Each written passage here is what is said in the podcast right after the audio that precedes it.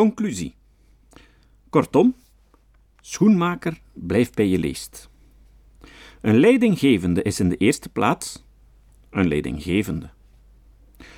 Om het met de woorden van Robert Hogan te zeggen: A leader is a leader is a leader. Hij kan een uitstekende leidinggevende zijn die zich goed kan aanpassen aan de situaties en medewerkers, met andere woorden, stijlflexibel is. Maar hij kan geen Mr. Around Perfect die beschikt over uitstekende analytische vermogens zijn, een krak is in het spreken voor publiek, in het luisteren en begeleiden van workshops, de beste technisch onderlegde uit het team is en bovendien een toptherapeut.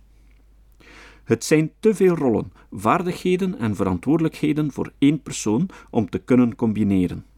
De coachende houding, tot daaraan toe. Maar voor problematisch gedrag kun je beter echte professionele hulp zoeken. Een schematische vergelijking.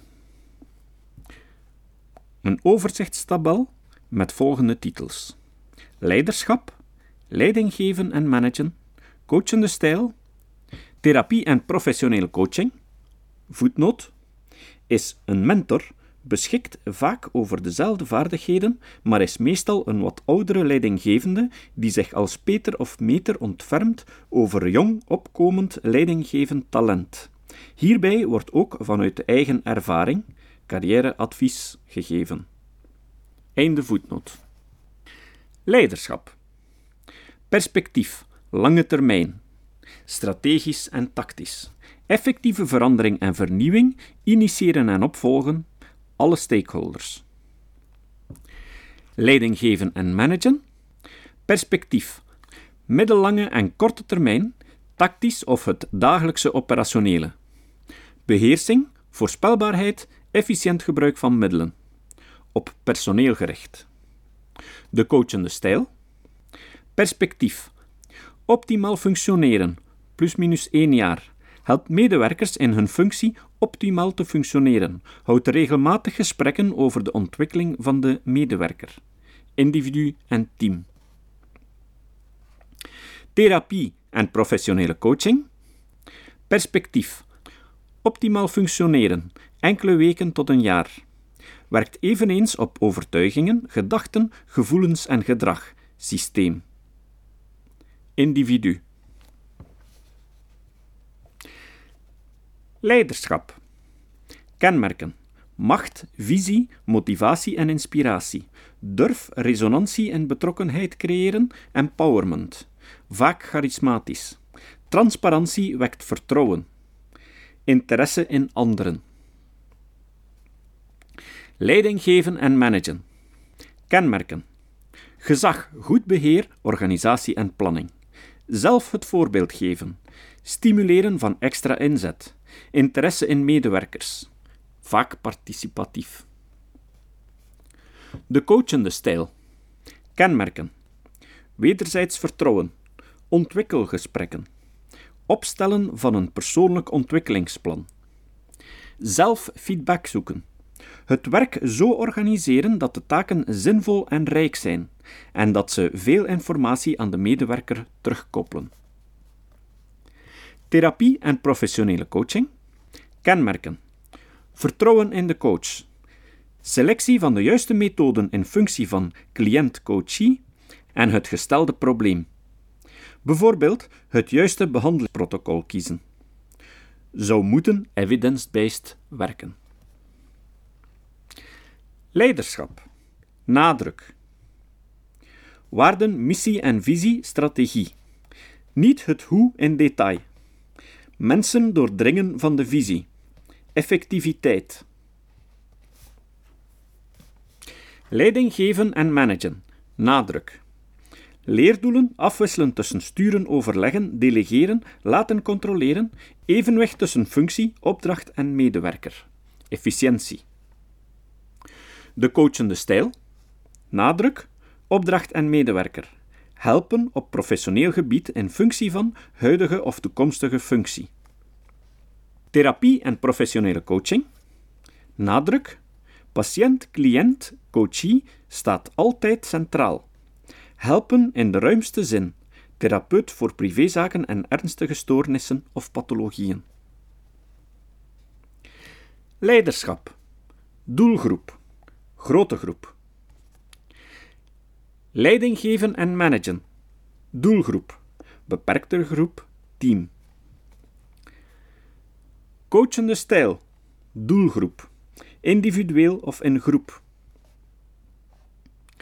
Therapie en professionele coaching. Doelgroep. Individueel of zelden in groep. Leiderschap. Hoe? Variërend tussen inspiratie, sturing en overleg. Drie positieve stijlen van leiding geven: inspirerend, coachend en participatief. Leiding geven en managen. Hoe? Drie positieve stijlen van leiding geven met meer nadruk op participatie. Ook managen, doelen afspreken, meetinstrumenten installeren, middelen toekennen. Voor taken, situationele aanpak. De coachende stijl. Hoe? De medewerker zelf zoveel mogelijk laten oplossingen vinden, maar ook suggereren en input geven. Therapie en professionele coaching. Hoe?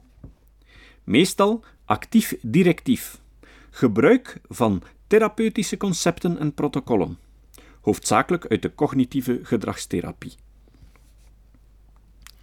Leiderschap. Tijdsdruk of niet? Deadlines en strategische doelstellingen. Leiding geven en managen. Tijdsdruk of niet? Deadlines zijn een must, maar worden omwille van de effecten op fysieke en psychische gezondheid in overleg afgesproken. Coachende stijl. Tijdsdruk of niet? Deadlines werken negatief. Therapie en professionele coaching. Tijdsdruk of niet? Timing wordt bepaald door behoefte, wil, motivatie van cliënt en coachie. Deadlines werken negatief. Leiderschap. Valkuilen.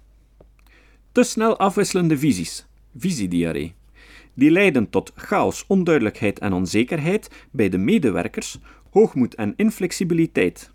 Destructief leiderschap. Leiding geven en managen. Valkuilen. Regelneverij door te grote wens aan beheersing en controle, wat leidt tot rigide organisaties en afstandelijke medewerkers. Nadruk op management in plaats van leiderschap. De coachende stijl. Valkuilen. Denken dat alles op te lossen valt. Grenzen als leidinggevende niet kennen. Niet durven doorverwijzen naar de professionele coach de professionele context uit het oog verliezen. Therapie en professionele coaching. Valkuilen. Alleen maar het individuele welbevinden nastreven, zonder naar de gevolgen voor de organisatie te kijken. Leiderschap. Hierarchisch. Leiding geven en managen. Hierarchisch.